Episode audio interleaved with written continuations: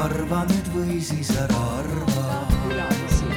nii et selles mõttes oleme väga õnnelikud, et meiega on tulnud kaasa arutama siis elujõuallikatest mitmed väga väärikad esindajad, kultuuri ja, ja teaduse, hariduse esindajad, spetsialistid, olete oodatud meie telki, kus me kohe alustame.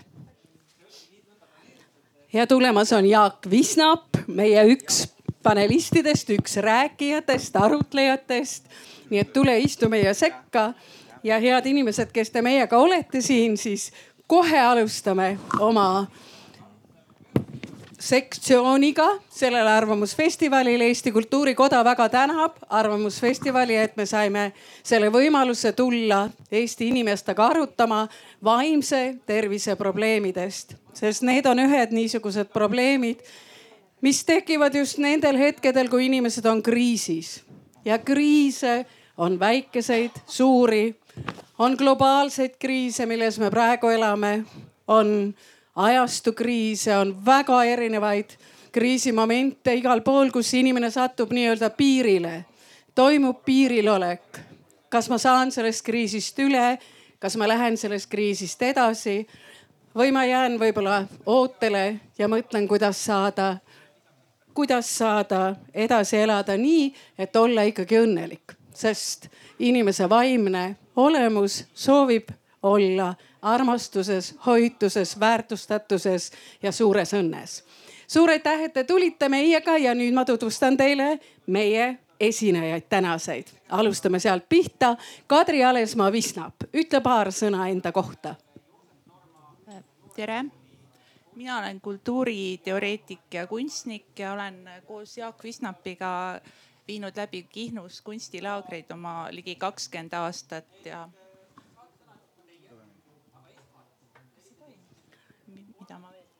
ja sa oled muidugi meie Eesti Kultuurikoja juhatuse liige. ja Eesti Kultuurikoja juhatuse liige olen ma ka.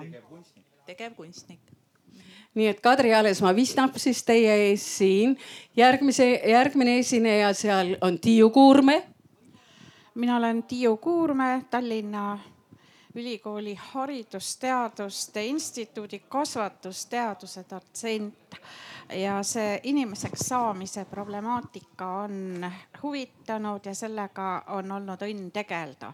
pisut sellel teemal loodan ka rääkida. järgmine naisterahvas siin meie paneelis või meie aruteluringis on Tiina Park mul on nii pikk sõnavõtt, ma võtan kohe, tõusen püsti. aga praegu ainult tutvusta ennast. ja, minu nimi on Tiina Park, mina olen Eesti Kultuurikoja juhatuse liige, aga tegelikus elus ma olen produtsent, režissöör, toimetaja ja vahest ka operaator, teen reisisaateid. väga huvitav ja meie järgmine eesseisuse liige Kultuurikojas on Jaak Visnap, palun. ja tere, mina olen siis äh, praktiseeriv jah, kunstnik ja graafikameister. ma pean rõhutama ka kindlasti oma enesetutvustuses, et ma olen jah tegelenud äh, graafika trükkimisega kakskümmend aastat ja, ja võtan sõna viimasel ajal võimalikult vähe, aga jah mm. -hmm. aga kunstiarmastus on su hinges ja sa tegeled selle nimel, et inimesi tuua järjest kogu aeg kunstile lähemale. ma arvan, see on üks eesmärke. nii on jah ja meie külalisena, Eesti Kultuurikoja külalisena mul on väga-väga hea meel teile tutvustada Jüri Viikbergi. tervist, mina olen keeleteadlane Eesti Keele Instituudis, töötanud kaua aega ka Tallinna Ülikooli õppejõuna. kasutan eesti keelt ja teisi keeli tööl, kodus, puhkehetkel vot sellised inimesed teie ees ja mina, Pille Lill, Eesti Kultuurikoja üks eestvedajaid ja ka juhatuse eestseisuse liige, nii et mind väga huvitab kõik, mis toimub Eesti kultuurimaastikul.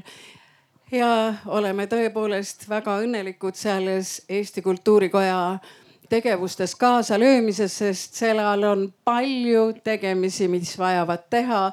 meil on olemas oma sarjad nii raadios kui oleme tegemas ka erinevaid projekte talendiarenduseks, huvihariduse ümarlauad, konverents muidugi ja nii edasi, nii et Eesti Kultuurikoda tegelikult on üks koht, kuhu tasub tulla ja millega tasub liituda. võib-olla täna leiate siit endale väikese mõtte, et meiega ühineda igal juhul alustame me pihta siis kunstnikest ja, ja mul on väga hea meel, et Kadri ja Jaak on valmis tegema siis meile väikese niisuguse esitluse, ettekande, arutluse.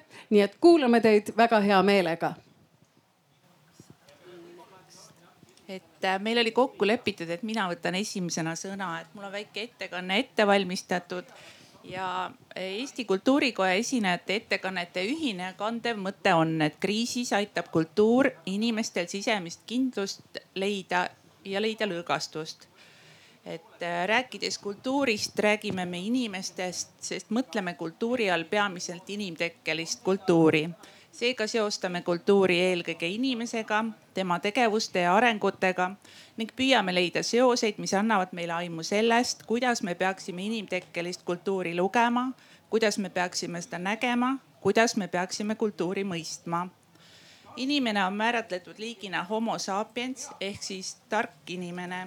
Nietzsche sõnul on inimesed targad loomad, targad sellepärast, et nad on erinevalt teistest loomadest õppinud, kuidas üksteisega koostööd teha, et üksteise soove paremini täita. Marek Tamm jällegi leiab, et kuna tihti väidetakse, et kultuur ongi see, mis eristab homo sapiensi teistest liikidest, mistõttu oleks kõige õigem inimest nimetada homokulturaaliseks. kuna kultuur hõlbustab kogukonna liikmete omavahelist suhtlust sest moodustab osa jagatud ühisest teadmisest ja selle mõistmise võimaldavad meile erinevus, erinevad kultuurilised märgid. meie kultuur on tervikuna ühtne mälupank. seal käibel olevad mõisted on see senise tegevuse analüüsi tulem, sealt saadav informatsioon on meil ühine, jagatav ja kasutatav. uued kultuurilised elemendid asuvad seosesse varasemaga ja moodustavad uute mõistete tekkimisel uusi seoseid ka need uued seosed, mis luuakse, on meie kultuur.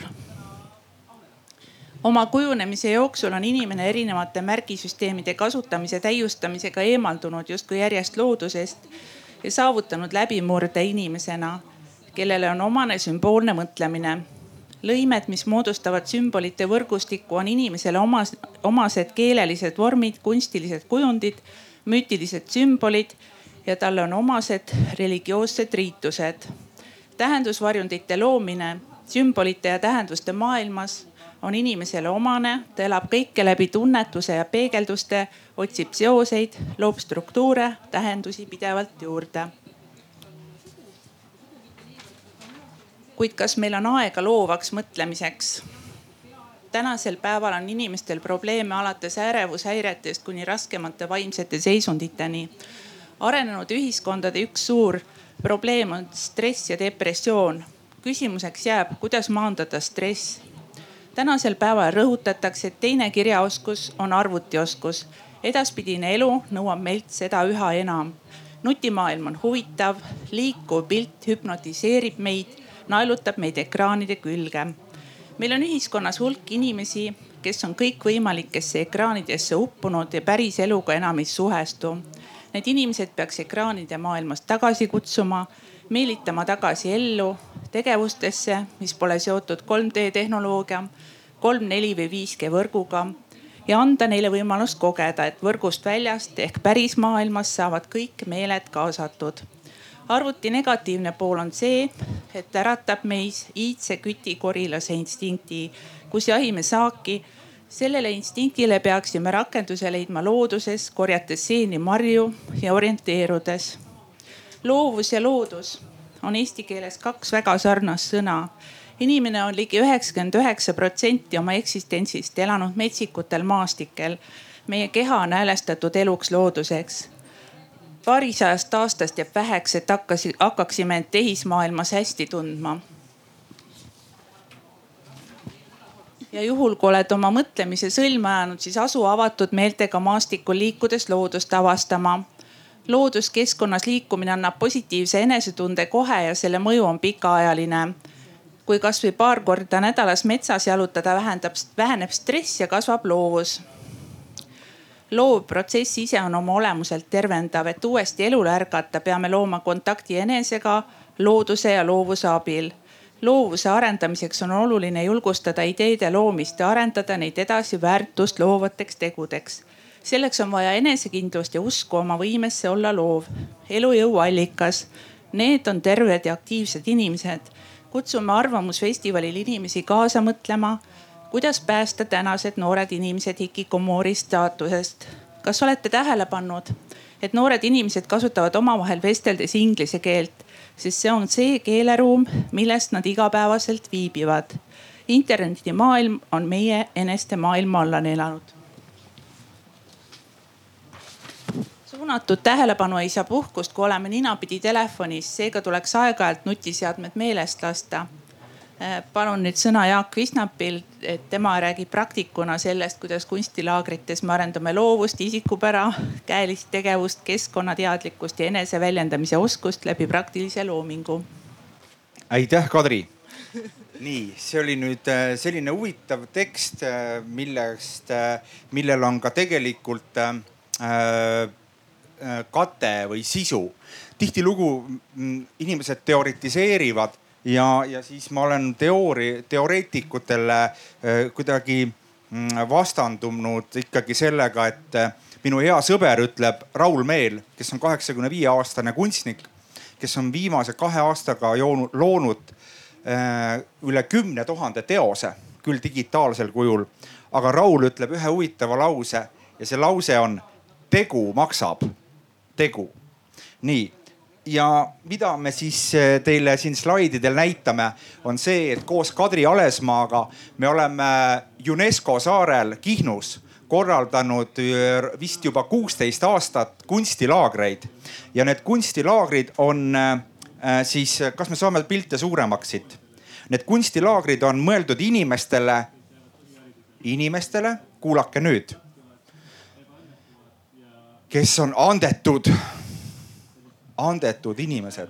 vaadake, äh, mis selle andetud inimeste teema on, on see, et äh, kui meil oli kunstilaager Kihnus ja veoautotäis rahvast sõitis Kihnu kunstimuuseumist mööda ja me ütlesime, et tulge meie kunstilaagrisse. Nad ütlesid ei, me ei tea. ma küsisin, tõstab käe, kes tunneb, et on andetu ja terve see veoauto kastitäis rahvast tõstis käed, sest nad tundsid, et nad ei ole kunstis tugevad et nad tundsid, et neil on kunstiõpetaja on liiga teinud ja nad ei oska eh, maalida, nad ei oska joonistada ja teate, see mitteoskamine, see tekitab teatud mõttes sellise eluvaate sa ei lähegi näitustele, sa ei suhestu selle teemaga, sest sa, sa ise ei saa sellest aru, sa ise ei oska.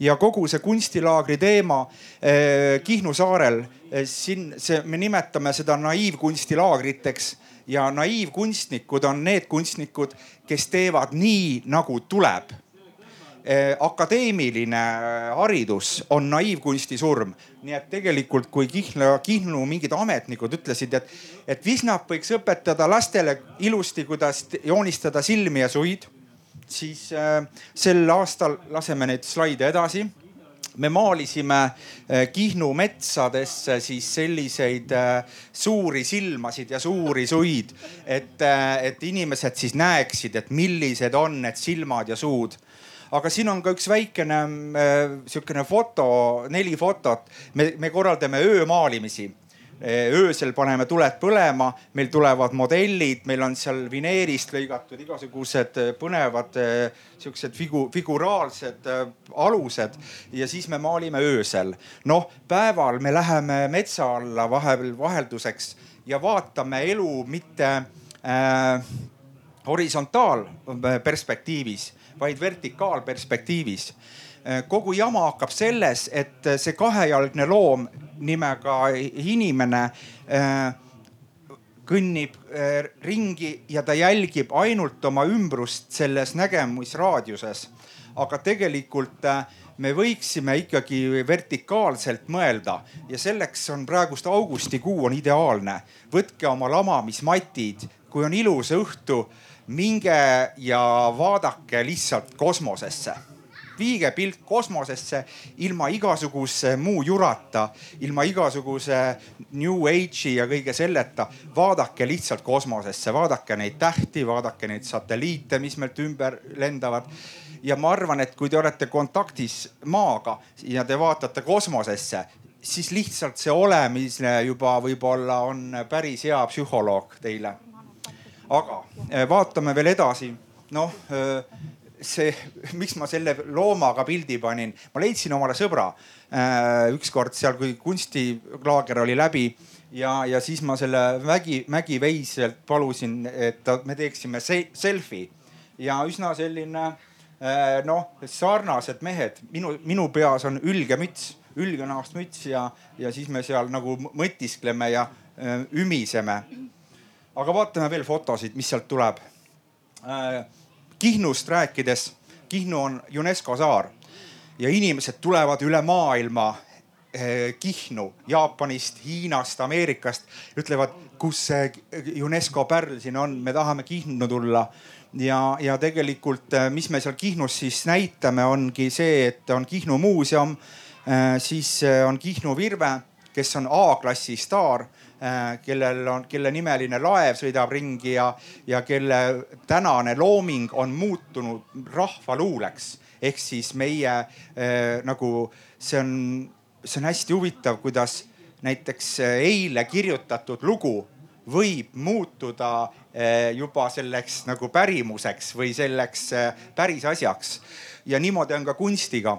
et eh, miks ma nagu eh, panen maalima seal igasuguseid toredaid inimesi, eh, kes lihtsalt mõtlesid, et mul läks juhe kokku, ma olin nii kaua, töötasin arvutis, kirjutasin projekte ja, ja tavalised inimesed tulevad meie laagrisse. ja nädala pärast, nädala pärast nad on muutunud, aga äh, siin on veel äh, meie slogan oli sel aastal nädalaga naivistiks, nädalaga nii et tegelikult see, see peab paika, et mm. -hmm, aga mul saab aeg varsti otsa mm. -hmm. mida ma tahan öelda, on äh, võib-olla põhisõnum on ikkagi see, et äh, kui te tahate osaleda Kihnu naiivkunstilaagrites aga seal on üks eeldus, seal ei tohi surma saada. saare peal on igasuguseid võimalusi, te võite kuskile ära uppuda, kivi alla jääda võib-olla või kuskil mingi noh, seal on neid variante on palju, et aga muid reegleid ei ole. et tulge siin, vaadake kihnukunstilaager.eu on selline kodulehekülg. pange ennast ja oma lapsi ja oma lapselapsi koos kirja ja tulge, olge Kihnus ja te saate inimeseks tagasi, te saate äh, toredaid kaaslaseid. Ja mis on kõige tähtsam? Kui kunagi räägiti, et inimene, mehest räägiti niimoodi, mees peab ehitama maja, mees peab istutama puu ja, ja saama ühe lapse, siis tegelikult äh, minu jaoks on inim, inimese mõõtmes on üks asi veel. iga inimene võiks oma elu jooksul maalida ühe maali. see on kõik, ühe maali Te võite seda maalida Kihnus, meie kunstilaagris. aga kui teil ei ole aega Kihnu tulla, siis lihtsalt ostke värvid ja lõuend ja vaadake, mida te, mida mõt-, mida kujutab teie aju ja kuidas teie tööriist käsi selle siis ka ära teostab. rääkides kunstist, siis äh, ma näitan teile siin mõndasid teoseid. Äh, selle teose ma tegin siis, kui Covid algas Stay home on selle nimi ja Save your planet. see tähendas seda, et äh, need suitsuandurid, mida me seal magamistoas või elutoas vaatame ja mis vilguvad, muutuvad ühel hetkel ufolaevadeks ja siis me juba peame mõtlema, et kas me vajame mingisuguseid antidepressante, kas ma pean minema psühholoogi, psühhiaatri juurde. et minuga on midagi korrast ära. Teine teos on President. Ja ma maalisin Lennart Merile mõeldes eh, tema portree. aga see on universaalne presidendi portree. Ja, ja ta on tegelikult selli-, sellest, see räägib sellest, et Lennart suutis mõelda kirjaniku ja, ja mõtlejana eh, no, väga suuri mõtteid oma elus. Ja, ja nad tegelikult need Lennart Meri mõtted võib-olla olekski võib-olla selles mõttes head, et äh, tema äh, raamatuid, et me ei, me ei saa ainult rääkida, et Lennart oli hea president, vaid tegelikult tema seda, tema raamatuid ja, ja tema seda, mis ta suutis siin kultuuri mõttes luua filmide näol, neid uuesti vaadata ja mõtestada läbi selle elu. siin on üks teos veel, mille teo, autor on Navi Trolla ja selle algne, algne nimi on Kuhu poole seekord ulume. ja tegelikult maailm on uuesti sellel teeklahkmel, et kas me ulume sinna. Eh, meil on üsna, meil on laias laastus ikkagi kaks, eh, kaks, meil on kolm, nüüd on ka rohepööre aga, aga ikkagi eh, need koerad siin on võib-olla need väiksed hundikutsikad, kes ei tea täpselt, kuhu poole uluda.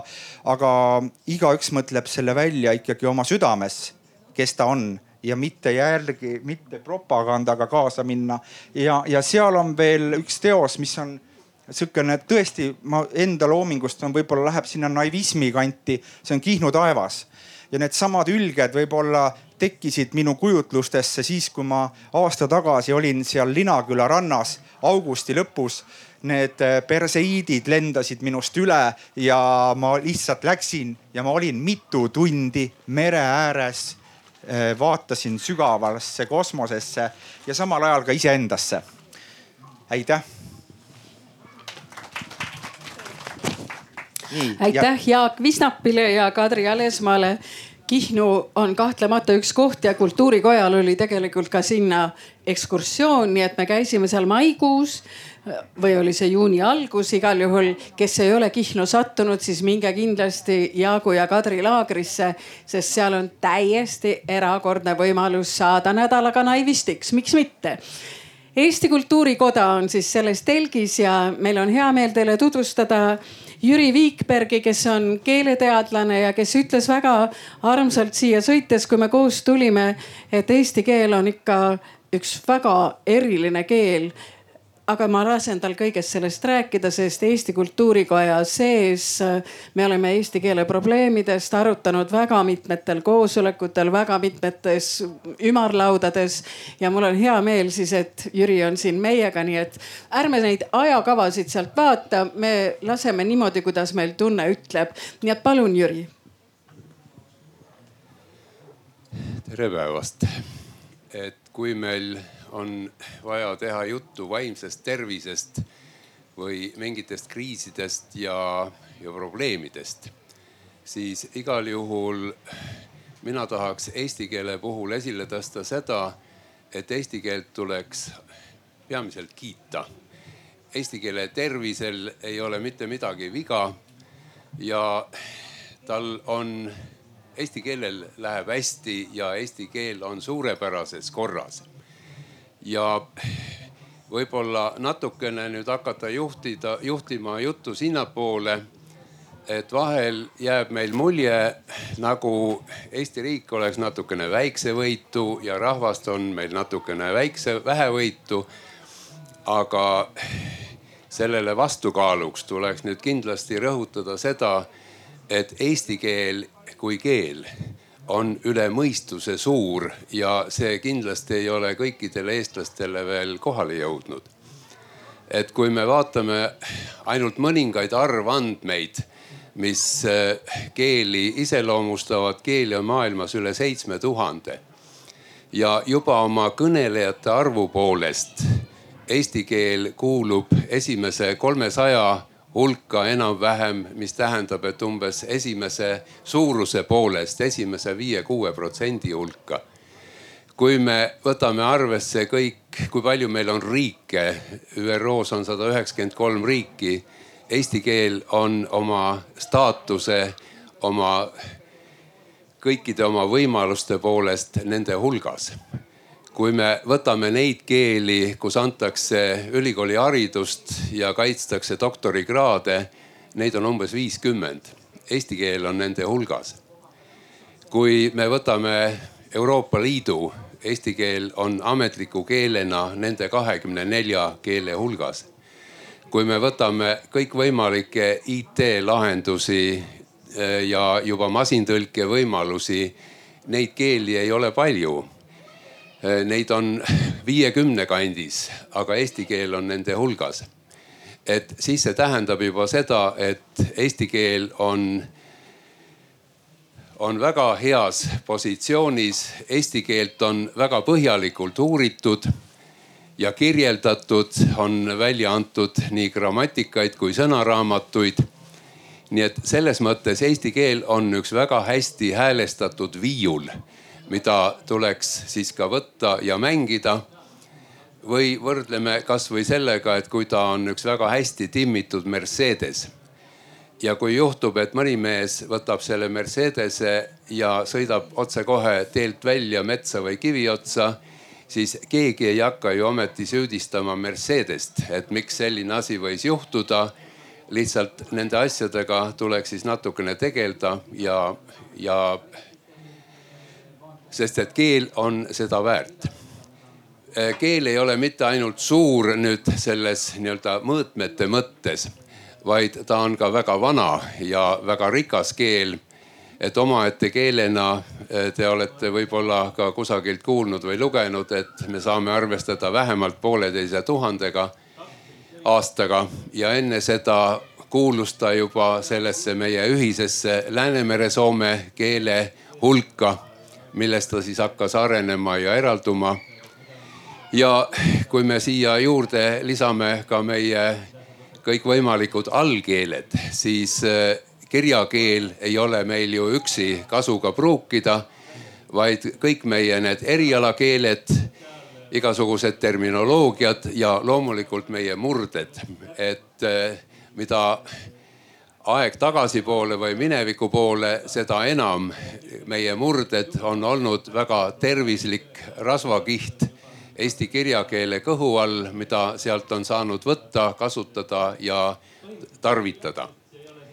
nii et eh, selles mõttes eesti keele, eesti keele kiituseks Äh, võiks veel palju jätkata, aga et see, see keel ise on juba omaette, me peame olema väga õnnelikud, et meil selline keel on ja tegelikult seda eesti keelt võiks rohkem kiita, kui, kui me seda teeme.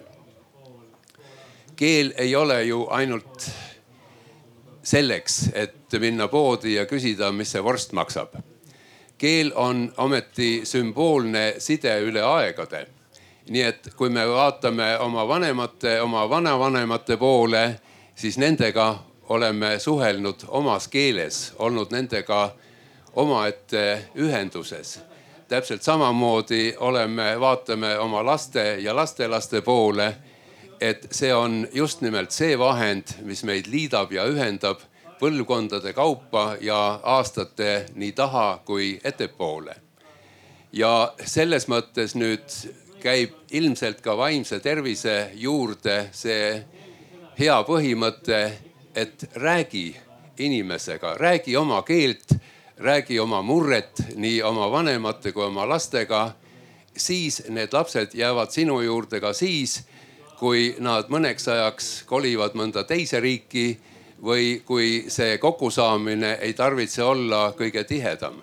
aga keel on see, mis siis ühendab ja liidab ja et eh, siis ei ole ka hirmu, et, eh, et lapsed võiksid kuhugi maailmas kaduma minna või, või kinkida oma lapsed jälle mõnele teisele maale, võõrale riigile. mida siis veel selle kohta mainida? et eh, vahel võib kohata ka niisuguseid arusaami, just nagu eesti keel oleks ikkagi väike millega ma kuidagi nõus ei saa olla. Aga et näiteks mõni poeedihakatis või laulukirjutaja ütleb, et aga eesti keeles ei ole mul võimalik ennast väljendada. et seda ma saan teha ikkagi ainult kas siis inglise keeles või vene keeles või, või mõnes teises keeles.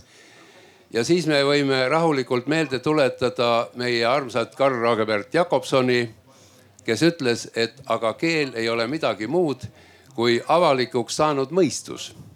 ja kui sinul ei ole mõtteid, et mida eesti keeles oleks võimalik väljendada, siis see on lihtsalt enesepetmine, et sa võid seda teha mõnes teises keeles. sest ega keel ei ole siis ju midagi muud kui lihtsalt see vahend ja kui ei ole midagi väljendada, kui ei ole mõtteid, siis, siis keelest, see, see ei sõltu keelest. ja mida sa emakeeles ei oska, mida kõige paremini valdad, siis on küll kahtlane, et sa seda mõnes teises võid teha. ja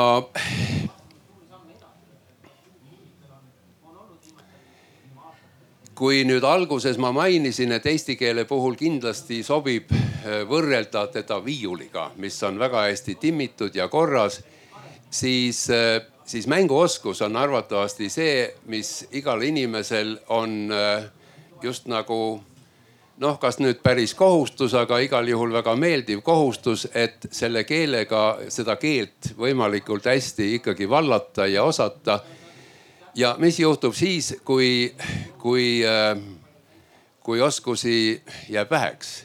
kas siis tuleb minna Kihnu laagrisse, mida ka võib teha, sest et äh, eesti keele toimetamisel on välja antud ka Kihnu sõnastik ja, ja mina olin selle toimetaja, nii et Kihnuga on väga head sidemed ka Eesti Keele Instituudil aga võtame kasvõi näiteks eelmise, eilse, eileõhtuse Aktuaalse Kaamera, kus üks põhiuudis oli selles, et Rauma laevatehases sai valmis üks suur laev ja see lasti vette.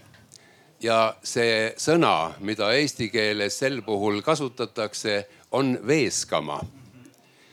Ja, ja siis see teletädi seal äh, raadio või mitte raadios, vaid ekraanil ütles ja siis see laev veeskati ja äh, võib-olla paljudel inimestel äh, torkas see kõrva.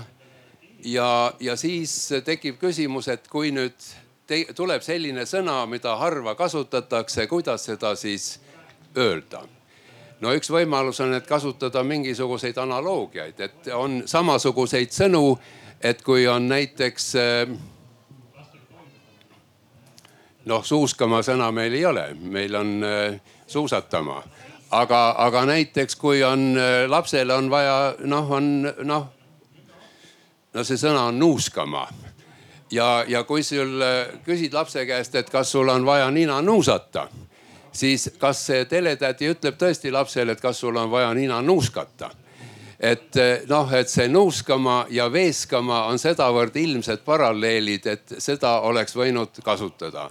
noh, ei tulnud selle peale, pole hullu, et igal juhul ma tahaksin lõpuks öelda tingimata seda, et kui eh, noh, laev on juba veesatud ja laev on vees ja sõidab ja, ja tuleb mõni teine sõna, et Eesti Keele Instituudi koduleheküljel veebis on eh, väga palju vajalikke keelekäsiraamatuid, mida te saate kasuga pruukida. lihtsalt eh, võtke, vaadake ja, ja kasutage nii, kuidas süda kutsub head kasutamist. väga armas Jüri Viikberg, suur tänu. Äh, võimalus on kohe esitada ka küsimusi, et kui kellelgi on meil siit kuulajaskonnast tekkinud mõni küsimus, kas Jürile või siis Jaagule või Kadrile või kõikidele teistele. nii, ja sul on no,, võta palun mikrofon. Jürile küsimus. et kui mina ütlesin, et inimene peaks maalima ühe maali mm. -hmm siis kas mitte vabal tahtel äh, kirjutama ka ikkagi mõned luuletused, et kui me räägime sellest, et iseolemisest ja vaimsest tervisest ja oma maailmast ja sellest, kes, kes ma olen. et tegelikult inimene, kes on nagu hästi asjalik ja, ja ratsionaalne, võiks ikkagi nagu selle, selles nagu tegevustes äh, mõelda mis minu aju siis suudab toota, tähendab see või mis, mis on minu see looming, ütleme nii, see on ikkagi parem sõna, et äh, mis on see looming kunstis, luules, kirjanduses ja nii edasi, et kas see äh, ja küsimus sulle, kas sa oled kirjutanud viimasel ajal mõned luuletused siis sellega seoses? oh jumal hoidku mind selle eest. Et noh, mina võiksin öelda ka ikkagi seda, et äh, oma maailmavaatelt ma olen ikkagi pigem teadlane. ja teaduses noh naivismil õieti kohta ikkagi ei ole, kui, kui see nüüd nii jõhkralt välja öelda et selles mõttes luuletused jäävad ikkagi sinna kaugesse noorusse, õhkamiste ja tundlemiste aegu. Ja luuletusi las kirjutavad need, kes, kellel on selleks soont ja, ja veel parem äh, on palju inimesi, kes on selleks sündinud. et siis äh, äh, nojah, aga et ma tahaksin ikkagi lõpetada positiivses äh, võtmes, et sulle midagi positiivset vastata, et kui ma peaksin ikkagi märkama, et mul selliseid vaimseid probleeme peaks tekkima, et äkki siis luuletustest oleks abi. Tiina, palun ma lugesin Kaplinskist päris palju artikleid nüüd viimastel päevadel ja muuseas Kaplinski ei olnud üldse väga rahul eesti keele arengutega. ja miks see mõte mul tekkis just täna? minu meelest on nii palju vabadust antud viimase kümne aasta jooksul eesti keeles, et see klassikaline nii-öelda Tartu Ülikoolis saadud Gerda Laugaste juures pähe õpitud eesti keele kasutus on visatud ajaloo prügikasti loomulikult. aga mul on see viga, et ma ikka püüan natuke noh, seda noh, nii-öelda klassikalist eesti keelt kasutada. tulen praegu sealt telgi juurest, Lastemaa oli seal ja seal on suurelt kirjutatud niimoodi. palun võta omale siit üks mänguasi. tähendab vanasti oma ei käänatud. no nüüd me kirjutame ju nii-öelda teine maailmasõda väikse tähega ja kõik. minu küsimus on, kas ei ole läid-, mindud liiale selle vabadusega, et enam pole nagu üldse reegleid.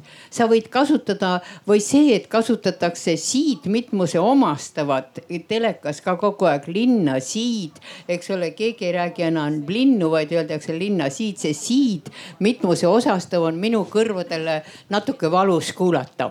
küsimus, kas ei ole mindud liiale või on see hea, et meil on nii palju vabadust praegu?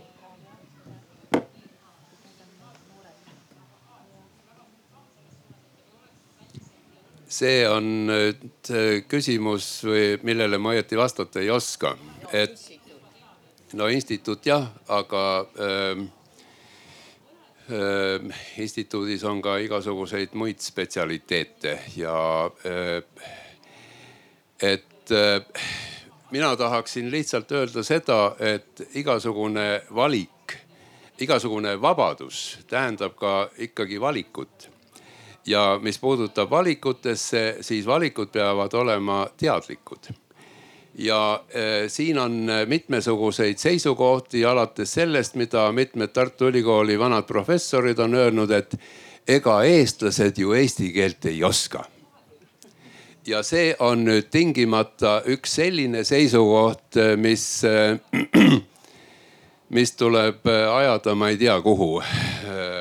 ühesõnaga, et sellega mitte mingil juhul nõus olla ei saa. kui on sünnipärane eestlane, siis loomulikult ta oma emakeelt valdab iseasi on nüüd see, et kas see tema emakeel on just nimelt see viiul, mis on viimse võimaluseni häälestatud ja timmitud ja mida äh, saab kasutada ainult vastava akustikaga kontserdisaalis.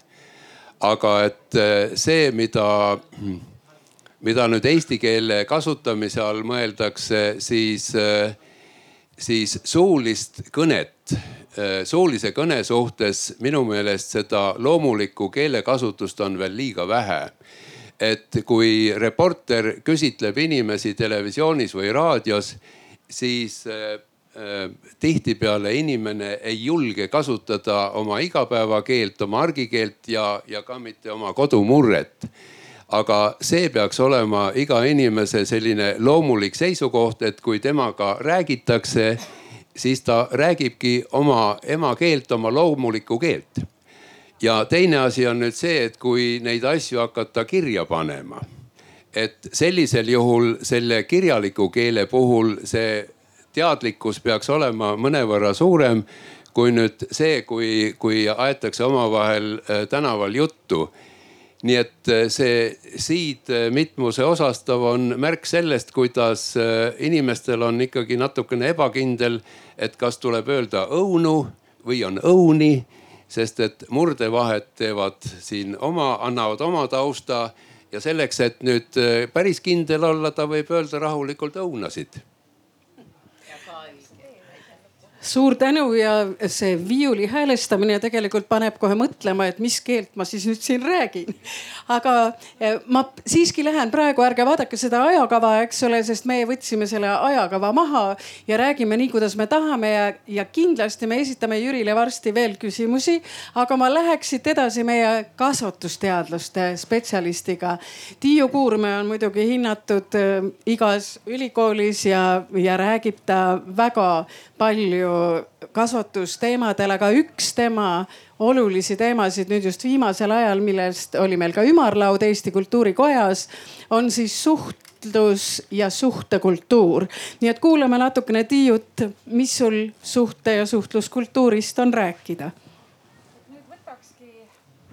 võtakski natuke neid toredaid optimistlikke noote ehk tagasi ja läheks tõsisemale lainele sest midagi pole teha, aga laste, noorte ja inimeste vaimne tervis üleüldse on ikkagi selline, et ta on tõusnud ühiskondliku tähelepanu fookusse. Ja äsja siin noh, eelnevas ühes ühel laval räägiti ka väga tõsiselt õnnelikuks olemisest, otsiti neid põhjusi taga. Ja selle põhjuseni, millest mina nüüd tahaksin siin rääkida, ega selleni ei jõutud hästi ja see on see, et milleks me siis seda keelt kasutame ja kõige levinum viis, mis kodanik ütleb, keel on suhtlemisvahend, see on kõige argine tõlgendus meil keele kasutamiseks. keele abil me siis oleme olemas maailmas, me avame teistele me korrastame oma iseenda sisemaailma, õigupoolest väga paljus meie sisemaailm on ju ka keeleline. ja see, milline on kellegi keelekasutus, see viitab sellele, et millist meelt see inimene kannab, milline on tema meel.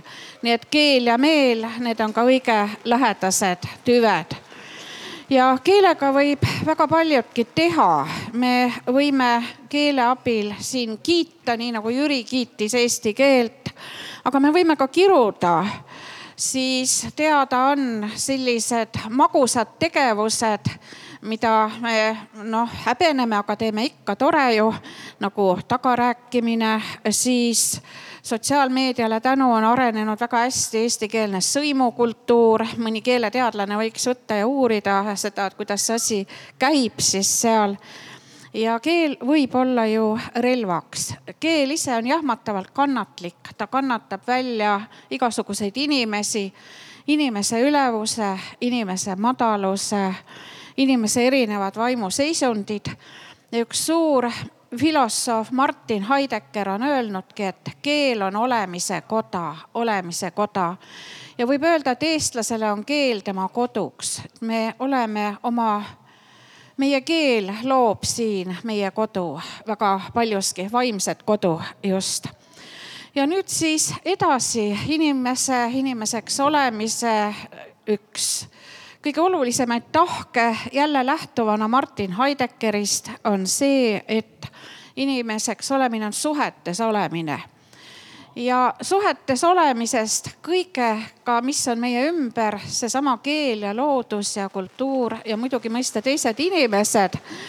ja sellest me siis leiamegi oma elujõu allikad, me otsime ju oma elujõule allikaid, sest me ise ei pruugi olla allikana piisavad, meil on vaja kõike seda, millega me suhetes oleme, sest selle läbi me saame järjest enam ka iseendast iseendaks. ja suh-, suhte loomise eel käib häälestus, jälle Martin Heideggerilt see mõiste. et kuidas me oleme häälestunud sellele, millest me mõtleme, millega me tegeleme ja mis on meile oluline. Ja on teada optimistide ja pessimistide lugu ning äh, siit tasubki edasi uudishimulikuna küsida, et millest see häälestus sõltub, millest see sõltub häälestuses väljendub muide moraal, moraal ja see üldine ühiskonna vaimsus aga väljenduvad ka trendid. täna me elame ju trendide ühiskonnas väga palju.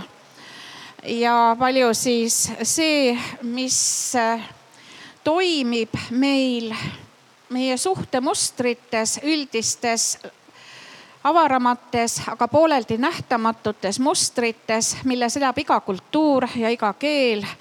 ja sealt me saame ka selle oma meeleolu, selle häälestuse ja tihtipeale inimesele ongi võimatu midagi selgeks teha, räägi, räägi, ikka aru ei saa. aga tal on niisugune häälestus, ta on kinni teatud laadi mõistmismustrites, suhtemustrites.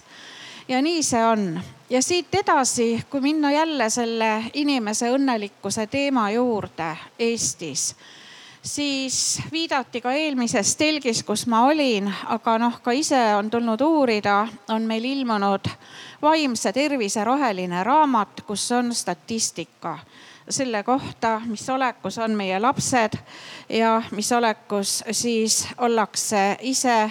ja see on ikka päris õnnetu olek ja päris kurjad arvud vaatavad sealt vastu. ja hiljuti ka niisugune arv jooksis siin läbi meediast, et Eesti on laste suitsiidides maailma esimese kolme seas. nii vähe, kui meid siin olemas on.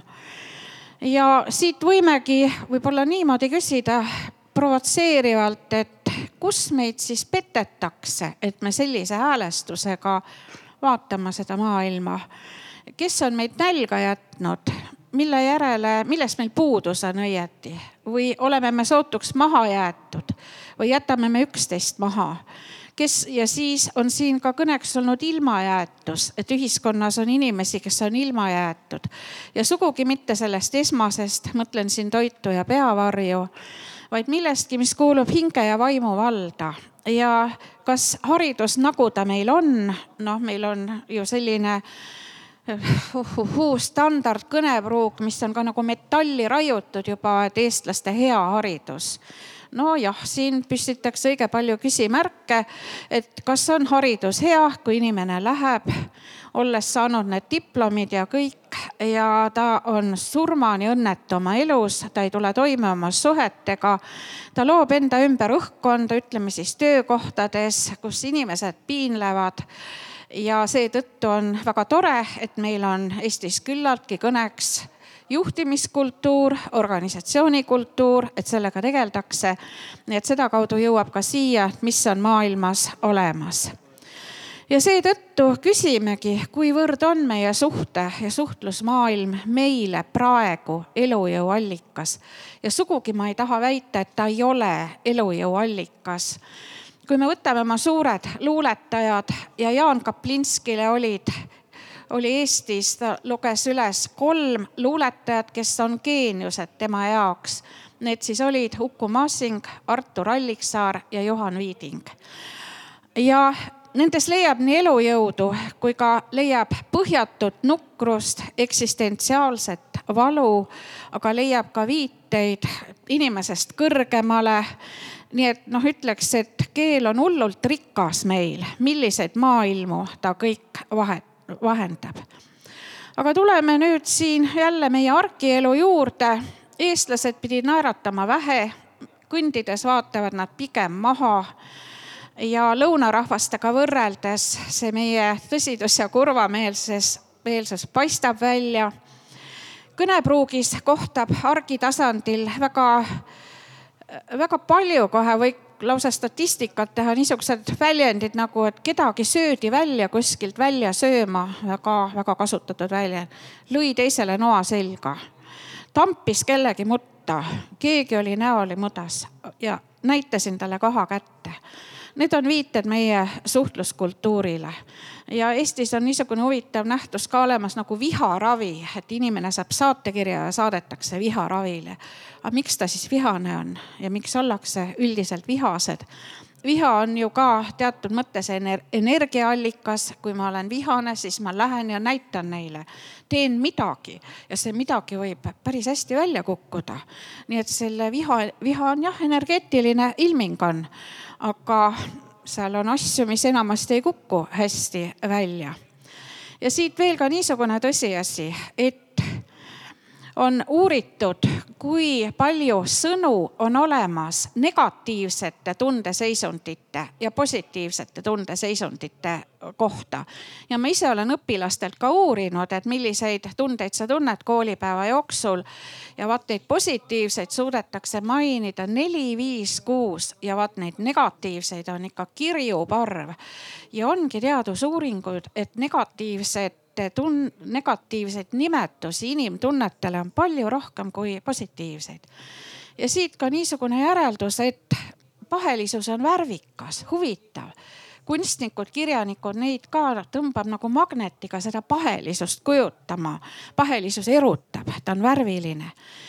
voorused on igavad, voorused on mustvalged ja küsimus, mida see kultuuriliselt räägib, millest see räägib, ma ei tea, ma heidan selle küsimuse õhku. mind huvitaks väga, kas kultuuriliselt on siin võimalik kuidagi ka voorustele värve juurde anda ja panna ka inimest ihalema seda, et olla rohkem vooruslik. Voorus on muidugi meil minevikuline mõiste, paraku nüüd teda elustatakse siin ja seal Eestis mõnes kohas põhjuseks voorustest on kibe puudus. Nende mitteolemine teeb valu palju, paljus mõttes. ja jah, siit oleme kriisides praegu ja need kriisid on kaugelt suuremad, kui meile kätte paistab. nii et maailma juhtivad teadlased on juba üle poole sajandi neid globaalseid kriise kirjeldanud ja täna siin on ka põhjust küsida, et kuhu oleme me teel, kuhu viib meid see tee kus on see maamärk, kust hakkab tagasitee barbaarsusse. sest ka sellele on viiteid tehtud, et oleme kultuuriliselt ehk selles kohas praegu, kus võidaksegi taas langeda barbaarsusse ja ma hiljuti kuulasin Tarmo Urbi kõnet, mis siin levib ka Youtube'is ja saadetakse üksteisele edasi ja tema väide oligi, et see, et me nendest kõrgustest, kuhu me oleme väga vaevaliselt ja töökusele tänu jõudnud kultuuriliselt, on väga lihtne paari sugupõlvega kukkuda tagasi barbaarsusse ja kõik see mõista unustusse. Ja praegu tasub ka ringi vaadata, et kui palju meil seda, mida me oleme hinnanud, kipubki jääma unustusse. Nii et eh, selline lugu siin ja siis lisaks veel on kõneks sotsiaalteaduste marginaliseerumine, nende sõltumine rahastajate ettekirjutistest ja nii ei uurita sotsiaalteaduste plaanis üleüldse meie argielu suhtlust, ei uurita enam perekondade probleeme, ainult fikseeritakse arvudes. ei uurita mentaliteete. ja see tähendab, et kannatab ühiskonna enesepeegeldus. sotsiaalteadused on, et ühiskond vaatab peeglisse ja ütleb endale, et jah, selline ma olen, kas ma tahan sellisena välja näha, kas sind päästab meik või päästab mingisugune muud sorti ravi. nii et eh, see on väga oluline. ja siin tahaksin mõned seda argielu vaadeldes tekkinud tähelepanekuid välja tuua, mis kindlasti mõjuvad elujõule hävitavalt, mil on pistmist elujõu kaoga. aga mis on justkui lõimitud juba meie suhtluskultuuri mustritesse. lihtsalt mõned üksildase uitaja tähelepanekud, kui mäletate, kunagi Lauri Leesil oli üksildase uitaja märkmed. ja nii on põhjust ka ringi käia, sest me elamegi üksilduse ajastul praegu paraku, see on paljude poolt välja toodud ja mis siis on näha, mis võib meie elujõule, elujõudu haavata? näiteks niisugune harjumuspärane hoiak, süüdi pole see, kes teeb, vaid see, kes sellest räägib. ja selle märk on selline, et kui inimesed teevad midagi näotut, kuskil keegi inetut tehakse, siis peidetakse see ära ja hoidutakse sellest rääkimast. Ja kui keegi tuleb ja sellest räägib, siis kogu see pahameel langeb selle rääkija suunal ja meil on isegi kõnepruuk ebameeldivate teemade puhul, sellest me ei räägi. Ja siin on Skandinaavia maad teinud pöörde, nemad räägivad. Just sellest, nad räägivadki, millest võib-olla ei ole väga mugav rääkida. ja sõnumitooja ei kuulu hukkamisele, Eestis paraku aga küll veel siis edasi, me elame hinnangute andmise pandeemias, nii et mitte ainult koroonapandeemia, vaid ka hinnangute andmine kõigi ja kõige suhtes ütleja on justkui kõike teadev tõe haldaja, ta naelutab siis asju häbiposti, lajatab kõrgelt postamendilt. aga mida see hinnangute andmine teeb tegelikult? ta, ta on, jäigastab ära selle ilmingu ja me ei näe, kui huvitav ja kui mitmekülgne ja kui tore see asi tegelikult on ja et on võimalik sealt, sealt ja sealt seda ilmingut vaadata, nii et see ühesõnaga hoidugem, mulle kunagi üks esoteeriline inimene ütles, ärge andke hinnanguid ja mul kõlab see kõrvus. siis edasi ülbus kui eluhoiak, see. Ja siis veel edasi. Et ohver on süüdi, ohvrimentaliteetide levimine, kaastunde vajakajäämine ohvriks olemisega kaasneb jõuetust, jõuetust me põlgame ja ohver saab veelgi peksa, nii et siin, siin sellel põhineb ka kooli kiusamine. ja siis teema, millest meil kojas on palju juttu olnud, see on võimekate tõrjumine lähevad meil välismaale andekad ja nad tahavad tulla tagasi, nad tahavad oma kauni emakeele sees elada ja meie metsade vahel siin ja teha Eestile midagi. aga siin olijad näevad ohtu nendes või mida nad näevad, igatahes need võimekad on kuidagi tõrjutud, nad ei ole teretulnud siia, mõned suudavad, teised mitte. aga ma näen pillevihjetes, et aitab küll, et las räägib keegi teine veel. aga lõpetuseks ma tahan nii palju öelda, mida me oma kultuurist võiksime leida, et toita oma elujõuallikad. ja siin tõesti tasub vaadata eelnevate eluvormide poole ja need allikad on eelnevates eluvormides väga rikkalikult ja toredasti voolanud, kui me veel olime kollektiivses ja mitte individualistlikus ajajärgus. ja siit siis kultuur on talletanud kollek-, noh solidaarsuse, solidaarsuse, mida enam ei ole isegi tulevases haridusstrateegias kirja pandud. see on individualistide, nõrkade, üksildaste inimeste strateegia, mis on siis talgutöö, koos tegemine, huumor, lugude rääkimine, koos laulmine, millal te ühiselt laulsite laule koos, koos musitseerimine, luuleõhtud, mängud nii et vahest tasub vaadata tagasi neid kultuurilisi olemisvorme, mis tegid inimese õnnelikuks, mis olid sillaks teise inimese juurde, kus me suhtlesime millegi muu nimel kui ainult selle nimel, et kinnistada oma eksistentsi ehk teiste arvel ja siit jääbki õhku küsimus, et mida oleks vaja, et neid suure, suurepäraseid olemise vorme jälle enda keskel näha, neid vastu võtta, neid elustada. sest need meie hädade elujõu allikad on olemas kunagistes, kunagistes inimeste olemistes, kes on olnud siin ja mujal. aitäh kuulamast.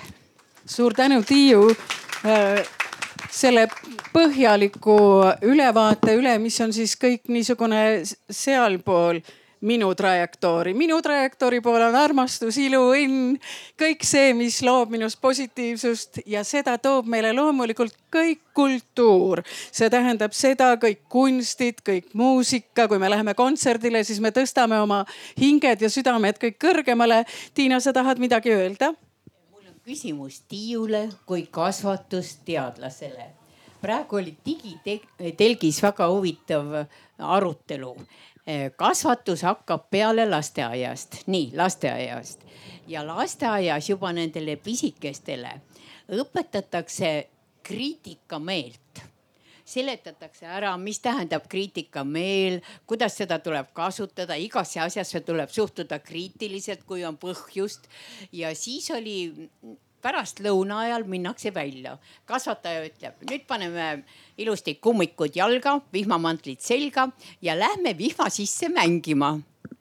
Ja üks viieaastane tõuseb püsti, ütleb, kas sa suudad põhjendada seda, miks me peaksime minema praegu välja vihmaga mängima ja kasvataja ongi hädas.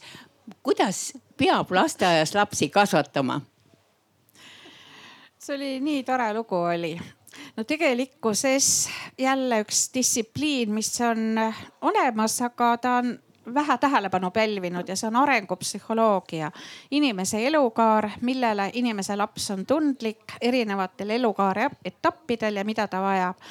lasteaiaealine laps vajab usaldust, vajab kindlaid teada asju ja tal on vaja, et see, mis täiskasvanu teeb ja mis on tema ümber, et see on kindel, usaldusväärne ja et asjad on paigas omavahel, sest tema loob oma identiteedi põhja nendest kindlatest asjadest, tema vajab esialgu turvalisust. liiga vara on kriitilist meelt viia lasteaedadesse.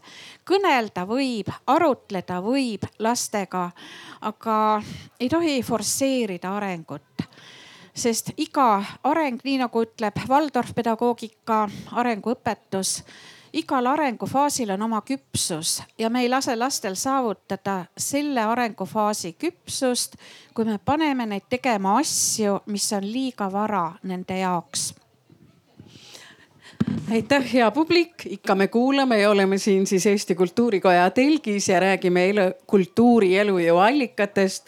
siis, kui me rääkisime kunstidest, millest ka Jaak ja Kadri väga-väga osavalt ja väga vahvalt siin rääkisid, nagu näete, siin on Jaagu uhked tööd nägema, meile nähtaval, siis loomulikult huviharidus on see teema, millega Kultuurikoda on tegelenud ausalt öeldes kohe päris algusaastatest, kahe tuhande üheteistkümnendal aastal, kui Eesti Kultuurikoda loodi, siis üks ka, millega Eesti Kultuurikoda hakkama sai, oli just nimelt see viisteist miljonit, mis tuli riigi poolt lisaks siis omavalitsustele huviharidusse. seal oli taga tegelikult Kultuurikoja töörühm, kes käis ministeeriumi juures seda välja töötamas, nii et meil on väikesed edumaad, aga üks, kes on väga tugev eestkõneleja huviharidusele meie seast on siis eestseisuse ja juhatuse liigu, liige kultuurikojas Ege Kulbok-Lattik. ja Ege ei saa täna kahjuks siin osaleda, nii et meil on temast väikene lõigukene. nii et kuulame, mis on Egel huviharidusest meile rääkida. tervist, head Arvamusfestivali külastajad, kolleegid laval minu nimi on Eke Kulbo-Platik ja ma olen kultuurisotsioloog, kultuuripoliitika uurija hariduse poolest. ja viimased eh, viis aastat nüüd eh, olen ma tegelenud rahvastiku teemadega ja sellest vaatenurgast äh,, rahvastiku arengu vaatenurgast ehk siis äh, see on ka seotud inimvara, heaolu, see on väga kompleksne teema ja muidugi on see eeskätt seotud äh, kultuuri ja haridusega. ja äh, see minu väikese sõnavõtu pealkiri on huviharidus kui kultuuris osalemise õpe. selle mõtte formuleeris niimoodi minu äh, akadeemiline ema äh, professor Anita Kangas, kes uuris äh, Soome äh, sellist huvihariduse, harrastuskunsti, äh, vaba aja äh, tegemiste mm, äh, Soomes, tema oli sotsioloog hariduse poolest ja kultuuripoliitika niisugune ema või, või rajaja Jyväsküla ülikoolis ja suure rahvusvahelise võrgustiku rajaja.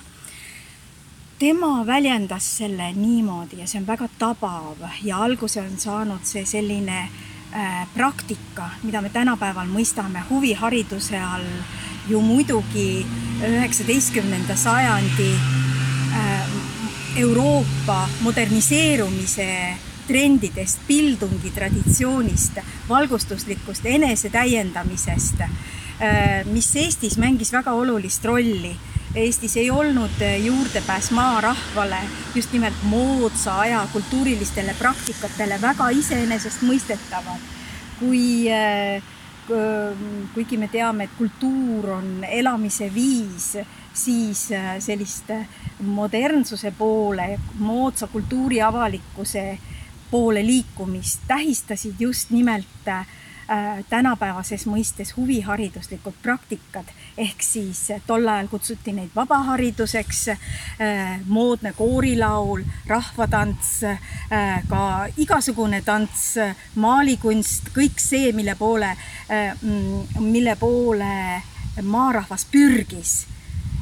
Ja miks ta pürgis nii meeleheitlikult nende praktikate poole, sest sajandite jooksul, koloniaalpoliitika jooksul äh,, koloniaalajastute jooksul oli maarahvas äh, ju kolmandasse seisusesse tõrjutud äh, töörahvana peamiselt, kellel ei olnud äh, ülemat, ülemiste klasside arvates vaja ei ilukirjandust äh,, ei korralikku haridust E, ega siis ka sellist äh, kõrgkultuuri.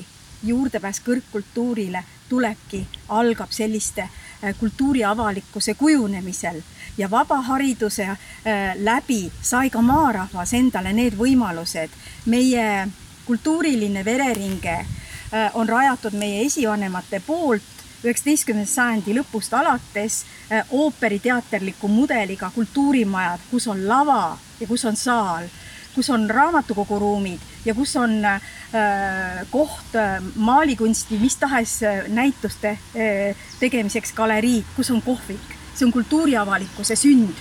ja nüüd, kui me mõtleme selle ajaloolise tausta peale, siis me saame aru, et äh, miks see vaarahvas nii hullusti pürgis äh, selle kultuurseks saamise poole, on see, et kultuurne inimene ei vaja eestkostet ta võib ennast ise esindada ka poliitilisel tasandil. ehk siis äh, kultuuriavalikkuse sünd on esimene sammukene poliitilise avalikkuse poole, enesemääramise poole. ja selle baasi peal on rajatud meie äh, poliitiline enesemääramine, meie rahvusriiklus ja ka kõrgkultuur sealt edasi juba institutsioonid, oma akadeemiad, oma kunstiakadeemiad. Ja huvihariduse käigus tänapäevases mõttes käib meie kultuuri ülekanne, kultuuris osalemise õpe. Kõik kunstnikud on alustanud esimese pildi maalimisest, kõik muusikud on alustanud pilliõppest. Äh, meie kontekstis siis kas kohalikus muusikakoolis või lauluringis laulu õppides või siis tantsuringi minnes. ja see, äh, mida kõike kultuuris, huvihariduses osalemise õpe inimesele võimel, võimaldab nii lapsena, täiskasvanuna kui ka äh, kui ka vanemaealisena, see on elukestev praktika ja see ei lõpe ära ütleme noorusega, vaid see kestab edasi, sest inimene ei saa olla loomata, loovuseta. inimene vajab äh, eneseväljendamise võimalust. piiblis on öeldud, et inimene ei ela ükspäinis mitte leivast ja siis see ongi see, et lisaks spirituaalsetele kogemustele, äh, pühendumisele vajame me eneseväljendust, me vajame kultuuri, kunsti, sära ja huvihariduse käigus on meil võimalik kõike seda õppida äh, ja omandada, sest see on ka tee harrastuskunsti juurde. ja me oleme Eesti Kultuurikojaga kaardistanud kõiki neid huvihariduse vajalikke aspekte või olulisi mõjusid äh, inimesele, ühiskonnale, rahvastikule. Ja sellel teemal saate te ka lugeda, me oleme ka avaldanud seda nii meie kodulehelt äh, kui ka ERR-is äh, arvamusportaalis on mul ähm, nüüd hiljuti just valmis saanud kaks sellist kokkuvõtvat artiklit, kus me kaardistasime Eesti Kultuurikoja huvihariduse töörühmaga kõiki neid protsesse, kõiki neid mõjusid ja artiklite pealkirjad on, et mitte muutuda sulasrahvaks. ja tõesti, kui me ei taha muutuda sula, sulasrahvaks, siis me peame jõudma äh, korrastada huvihariduse kui haridusliigi, eesmärgistada selle riiklikult ja arendada seda sest see toimub mitte ainult äh, riigi kulul, vaid seal panevad õla alla eraettevõtjad ja kohalikud omavalitsused ja see on see, mis tagab meie niisuguse laiema kultuuriavalikkuse jätkusuutliku kestmise. aitäh teile ja soovin ilusaid arvamusvahetusi Arvamusfestivalil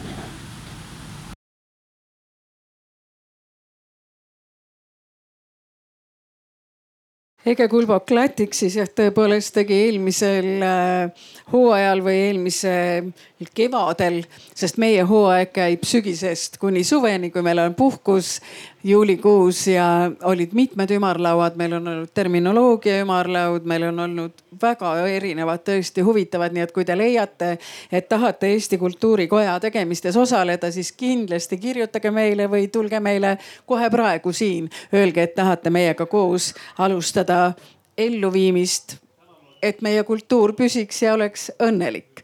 aga Tiina Park on kahtlemata üks selline positiivne hing meie kultuurikojas, ta on juhatuse liige, eesseisuse liige. Ja Tiina räägib meile siis, kuidas jääda iseendaks meediatormis, nii et palun, Tiina. see on väga raske, ma võin kohe öelda, see on kohutav. ühesõnaga iseendaks jäämine, hakkame sellest peale, et mina olen terve elu seal televisioonis olnud, natuke Ameerikas ka vahepeal aga põhimõte on selles, et ma olen nagu selles sees ja sellepärast tean, kuidas see mujal maailmas ka toimib, sest viimased kakskümmend aastat olen ma teinud reisisaateid ja siinkohal reklaam, palun reklaam. sellest sügisest täiesti uus reisisaade Hello World, tere maailm ja see on Inspira telekanalis. juba on salvestatud meil Gruusia, meil on salvestatud Hispaania, meil on salvestatud Türgi kohutavalt huvitavad saated oktoobrist, palun vaadake. nii reklaami lõpp. nüüd aga see iseendaks jäämine, mis on tegelikult absoluutselt võimatu mul häkiti Facebooki konto, nüüd tõstavad käed need, kellel on häkitud Facebooki konto see on kohutav, sest teate, mis ma räägin, mulle helistavad kõik, see tähendab, et sa lähed Facebooki ja sind enam ei ole. sa lööd oma pass, password'i sisse ja sind ei ole lihtsalt Facebookis olemas. minu kümne aasta elu, põhiliselt tööelu on lihtsalt ära kadunud.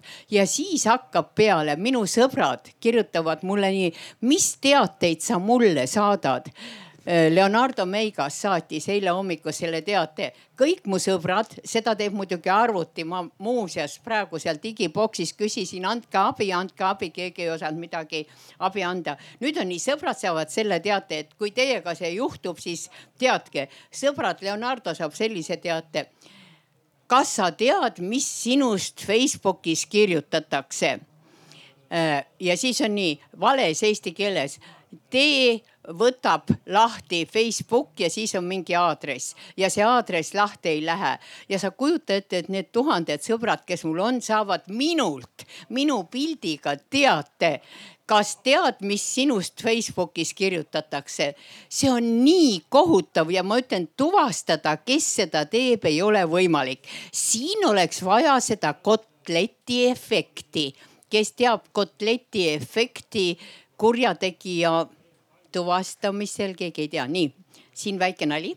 Äh, kui sa lähed kõrgmägedesse lumisele mäele matkama, pane enda tasku kotlett, see on kindel värk. sina lähed lumisesse Alpi mäe tippu, nii ja siis tuleb lumelaviin. sina jääd lumelaviini alla, kõik jäävad lumelaviini alla, tulevad koerad koerad hakkavad otsima inimesi, kes on lumelaviini alla jäänud ja esimesena leiavad nad sinu, sest sul on kotlett taskus. nii, ma palun, kui keegi suudab välja mõelda Facebookis häkkimise kotleti fenomeni oleks hea, kui mulle seda öeldakse. aga see oli, see oli nagu väike sissejuhatus alles. nüüd hakkame sellest peale mis tähendab meedia, tõlgime ladina keelde. meedia tähendab keskel olev. meedia hõlmab kõiki, noh, nagu te teate, alates Facebookist ja lõpetades telesaadetega. see hõlmab kõiki asju ja kaheksakümmend protsenti infost, mida meie tänapäeva inimesed saame, me saame oma telefoni näppides, oleme ausad täpselt see nii ongi ja see on muutunud tõesti juba noh, natuke ebameeldivaks. näiteks ma võin rääkida ühe naljaka juhtumi, me olime Chongqingi linnas, filmisime Hiinas ja läksime ühte ööklubisse sellepärast, et seal olid kõik seinad akvaariumid ja nendes akvaariumides ujusid haikalad, no see oli lõputult huvitav film muidugi, meil tuli seal ja siis seal tantsiti aeg, haikalade vahelt. aga mida tegid noored hiinlased? Neil olid selle asemel, et tantsida, ma ütlen, meie möllasime tantsu, meil oli filmida vaja Nad istusid ja näppisid oma neid telefone, issand, nii huvitav ümberringi. Nad näpivad telefone, aitäh, et keegi praegu ei näpi telefoni, tänud selle eest. ühesõnaga meedia tarbimine on läinud üle mõistuse ja muuseas teadlased on kindlaks teinud, osa inimesi vabatahtlikult tänapäeval loobub osaliselt meedia tarbimisest. Nad ei osta televiisorit või viskavad selle televiisori, mis on seni toas olnud, toast välja. nüüd tõstavad käed need, kellel ei ole televiisorit. tubli, tähendab teadlased ei valeta, teadlased on õigel teel, et sul on tõesti nagu sellest juba mis sealt iga päev tuleb natuke villand ja sa lõpetad selle asja ära. meil kultuurikojas on töörühm ja see on meedia töörühm. issand, ma seisan teie poole seljaga, vabandust, see on väga inetu. Eh, nii, meedia töörühm eh, aasta alguses, kui meil see vastik koroona algas ja me pidime kuidagi ellu jääma, me mõtlesime, et me analüüsime, jälgime kuu aega, see oli kuskil veebruaris et mida pakuvad meile erinevad meediaväljaanded, ajalehed, televisioon, see oli nagu põhiline ja mida me tuvastasime, no ise võite arvata. võtsime selle Õhtulehe, et palju Õhtuleht siis kultuurist meile räägib. loomulikult läbi kahe lehekülje iga päev. mina pidin lugema Õhtulehte, ma ise andsin endale selle ülesande see oli nii piinav, sest ütleme, kui me loeme, kui me arvame, et nende poplauljate aluspesu, huulepulgad, armukesed, et see on kultuur, siis seda jah, seal oli, aga päris kultuuri nendel kahel leheküljel mis rääkisid meie nendest äh, eurolaulikutest, üks ilusam kui teine, ühel pikemad ripsmed kui teisel, ilusam huulepulk kui teisel, tähendab, aga see ei ole kullakesed kultuur. aga muidugi Õhtuleht täpselt teab oma sihtgruppi, kes teda loeb ja see ootab tõesti, kellel sukasilmad maha läksid ja kellel konts katki läks, see on absoluutselt Õhtulehe sihtgrupile suunatud artikkel. teine, mis me analüüsisime mida tegi Ege, oli Postimees. Postimehega, aitäh Postimees, oli kultuuri osas korras. tähendab, mina olen Postimehe tellija, mulle meeldib lugeda, ma ei taha, et keegi loeb või paneb minu asemel uudised sinna üles ja mina pean sellega leppima, mis nemad on üles pannud. mina teen hommikul lehe lahti, ise vaatan. nii, Postimehes oli iga päev on vähemalt kaks lehekülge kultuurist ja need olid tõesti huvitavad. ooperid olid, näitused olid, arvamused olid, no see laupäevane Postimehe lisa, noh, see ei ole palju muutunud selle uue nii-öelda formaadiga, aga see oli ka väga huvitav. noh, näiteks praegu olid need Kaplinski lood, kõik on korras. aitäh Postimees, midagi head peab ju ka ütlema. no siis me võtsime ette Eesti Televisiooni no see tuli pärast uut aastat päris huvitav.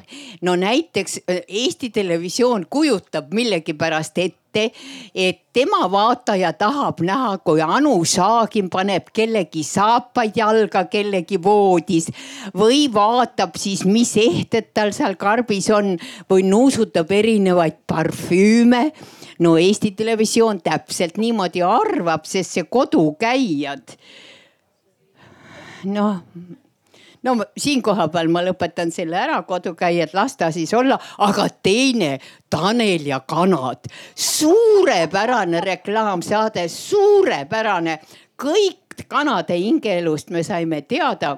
Ja mis oli väga huvitav, kui ma pärast, kui see sari juba iga nädal Tanel rääkis oma kanadest, eks ole, see oli väga huvitav. Kõik, mis söövad, joovad, kakavad, mis nad kõik teevad ja siis loen ma väikese nihukese ilusa nupu Postimehest, et pärast saadet Tanel ja kanad ei ole Tanelil enam mune müüa. kõik on läbi müüdud, sest Eesti Televisioon tegi talle nii head reklaami aga Eesti Televisioon ju reklaami ei tee. nagu me teame, see on rangelt keelatud, ma mäletan, mul on isegi lepingus Reisile minuga saade hakkab praegu jooksma, kuusteist, kakskümmend ikka kordused, aga seal ei tohi grammigi reklaami olla, muidugi nii. aga nüüd siis selle valguses küsima, kas midagi head Eesti Televisioonis oli ka, oli küll. oli, oli näiteks ma isegi Ene-Maris Talile kirjutasin pika kirja, kui hea saade oli tal puitarhitektuurist mis oli tõesti huvitav puitarhitektuurist, kus ta rääkis sellest, no mis Soomes meie Eesti puust ehitati see raamatukogu ja igal pool Taanis mujal. kohutavalt huvitav saade, aga mitte toodetud Eesti Televisiooni rahadega, eks ole, ole mees, leia raha ja muudkui tooda ja Ene-Maris teeb seda väga hästi. ja loomulikult kus on meie muusikaelu seal Eesti Televisioonis, kus, eks ole, Pille, väheks jääb ju, kus on kunstisaated, mida ma ise viisteist aastat vanasti tegin. aga põhimõte on selles, öeldakse, oi, kõik mahub oppi ära, kõik jumalukene, meil on tund aega ja selline suur kultuurielu. ühesõnaga natuke on siin mõtlemisruumi kallid külalised, kirjutage, avaldage Eesti Televisiooni leheküljel arvamust, võiks olla ju kultuuri rohkem. Ja see on, meie kultuurielu on ju hea, me ju näeme seda iga päev, mis toimub, kõik on tore. noh, välja arvatud mõned suvelavastused, aga okei. Okay,, neid, see pole meie teema. nüüd, mis ma tahan veel, üks, ma kohe lõpetan, nii kohe lõpetan. oi jumal, ongi aeg, nüüd on väga tähtis info. Kurjus sünnitab kurjust ja headus sünnitab headust. kes on selle poolt, tõstab käega, märku annab. kes tõstsid kätt, palun proua, tulge siia. Teie tulge ka siia, nii ja teie tulge palun siia, nii. ja meil on teema, et headus, headus sünnitab headust. nüüd ma palun igaüks teist ütleb midagi väga head, kas tänase päeva kohta, Eesti kultuuri kohta, teil on aega juba mõelda, hakake mõtlema. Te peate ütlema midagi väga head, aga selline, et meil oleks terveks tänaseks päevaks hea tuju, veel parem terveks nädalaks, aga veel parem terveks aastaks. auhinnad on ka. tere kõigile, me jõudsime täna Paidesse ja kas te teate, milline üllatus vastu võttis meid üks kena härra, kes ütles, teil on nii palju vanureid autos, ma palun sõitke sinna. siis me jõudsime neidude juurde, neiud kohe, palun kastuge sinna. üks neiu tuli tänaval vastu, ütles, te vist vaevaliselt saate trepist ülesse, ma aitan no mida saab imelisemalt olla ja kas saab veel vähe olla sellest, kui me näeme sellist vastuvõttu ja sellist headust see teeb ju tuju heaks, teeb rõõmsaks, imeline. nii et Paide vabatahtlikule suur-suur tänu. ärge ära minge, järgmine, next person on live no.. nii mm, äh, mina tahaks siia töötuppa tuua või, või sellesse ringi äh, ühe eelmise, et meil oli loovuse teemaline hariduse alal siinsamas vastas ja, ja jõudsime kõik ühisele äh, sellisele arusaamisele, et loovus on ülioluline ja sellele, et see on olemas. Ja see teie kultuuriteemaline töötuba tõestab seda veel väga tugevasti ja me jõudsime sellisele ettepanekule, et Eesti kool võiks toimida põhimõttel nii nagu toimib üks tore kunstikool, et kus klassis on kümme last, kus kõigil on aega ja kus kõik on loovad ja kus kõik on hästi tore. nii et võtame selle kaasa. Eh, ma arvan, see on ka väga hea ja, ja see usk, et tegelikult inimesed on, on ilusad ja head sõpruse puiestee sõnadega, et ma usun küll seda. nii, aitäh. nii, auhinnad kohe tulevad Eh, auhinnad ei olegi üldse olulised, tegelikult mina tahan seda öelda, et me peaksime kõik olema väga rõõmsad, kui me saame suheldud oma lastega, oma lastelastega ja, ja annaksime nendele seda enda positiivset energiat, mis ma arvan, et meie ealistel peaks olema ikka väga-väga palju, palju olemas, sest mina olen tõesti rõõmus olnud selle üle, et minu lapsed ja lapselapsed ei ole mind veel kuskile kraavi lükanud. igal pool, kus, kus miskit toimub, küsitakse, kas vanaema ei tulegi täna. Ja siis ma tahan öelda ja tänada selle tänase selle, selle ürituse eest, mis me praegu siin kultuuriga oleme. aga mul on selline murekoht, et te siin enne ütlesite, et te saite palju raha sellele huviharidusele. Ja nüüd ma, ma ei tea, kuidas ta saaks positiivseks keerata, et see huviharidus meil jätkuks, sest nagu te teate, rahad võeti ju ära, aga ju siis erasektor toetab, nii et elame veel nüüd on auhind, auhind, aga auhind on väga sümboolne. nagu te teate, kui teil on väga ilusad huuled, siis sealt ei tule ühtegi halba ja kurja mõtet. isegi mitte kommentaare, vaid sealt tulevad ainult head kommentaarid, kui te kommenteerite juhuslikult neid igasuguseid lehekülgi. nii et daamid, igaühele üks moodne huulepulk ja mitte ühtegi koledat sõna ei tule enam nendelt huultelt. ma ei tea, kas need värvid sobivad, aga ma püüdsin mo moodne olla. nii, aitäh, daamid. jah, lõpetasime no selline oli meil siis, kohe annamegi publikusse sõna, et kellel on siis midagi küsida, siis palun küsige. ma täiesti selle preemiate väliselt ütlen, et ma olen põline paidekas ja et mis Tiina küsimusele, missugune oli täna, tänane emotsioon, siis äh, mina ütlen põlise paidekana nüüd kõik need aastad, mis see, see Arvamusfestival on olnud, et ma tulen, me tuleme siia, see on pidu, pidu, pidu. et see on nii tore, et nii palju võõraid äh, inimesi on, tarku inimesi, kus äh, võib-olla mõnda ei huvitagi aga mõtlema paneb ikka inimesi see asi. Ja, ja tegelikult eh, ei räägita ainult halba, et räägitakse head ja need asjad teevad head meelt, Tiina, see on see vastus. väga armas. nii, kas on publikust veel meil keegi, kes tahab küsida, Taisil oli ka. Tähendab, ma ei tahaks küsida, ma tahan kommenteerida seda, et kui on, kui on enne juttu sellest, et me võiksime tagasi minna, kus, kus me olime talgud ja kui muu, vaadake maale vaadake neid inimesi, kes teevad ise raamatukogusid, kes ise taastavad kultuurimaju. mulle tundub, et tegelikult see rahvusliku tõusu aeg on tagasi tulnud, vaatamata sellele vahepealsele koledale poliitilisele ajale, mis on olnud. ma ei mõtle nõukogude aega kahjuks. et Eh, tegelikult on see, et inimesed teevad või minge, kui te räägite loovusest, minge laadale, vaadake, mida Eesti inimesed teevad. see on täiesti ületamatu, täiesti uskumatu, mida inimesed teevad. väga armas, kas on veel siit ja kohe Jüri? ma tahaksin lihtsalt ühe märkuse siia juurde panna, et ja murded tulevad tagasi. see on ka inimestele väga tähtis. et see materjal, mida aastasada on kokku kogutud murdearhiivi.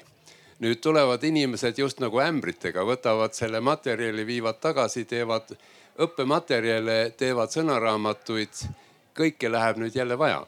see on väga tore ja isegi raadios, televisioonis me kuuleme murdeid, et see on fantastiline. sul oli Daisy ennem küsimus?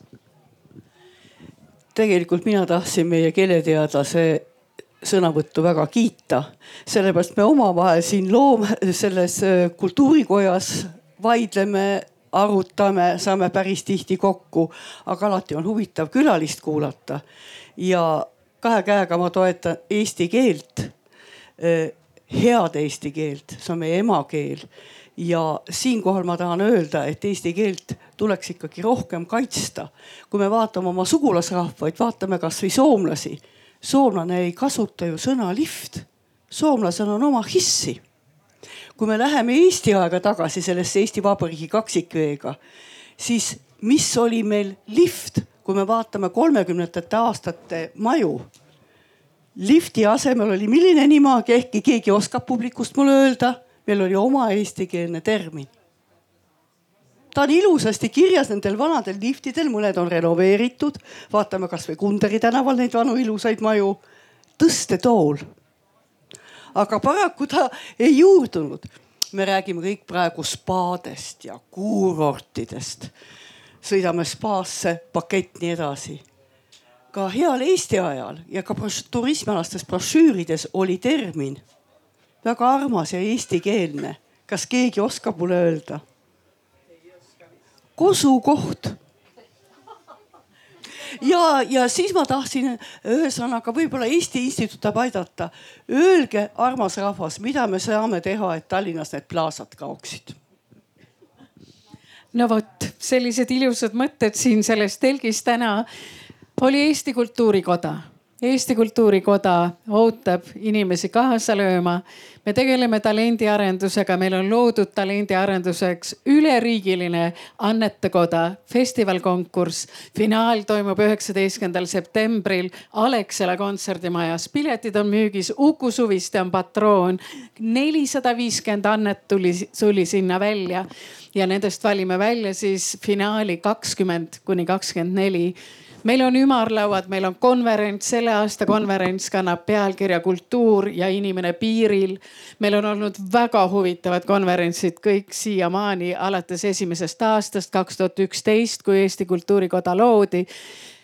mis meil veel on? Meediatöörühm, meil on erinevad teisedki hariduse, huvihariduse töörühm ja nii edasi. nii et kui te näete endas jõudu, et tulla ja aidata kaasa, siis olete väga oodatud ükskõik mis eas.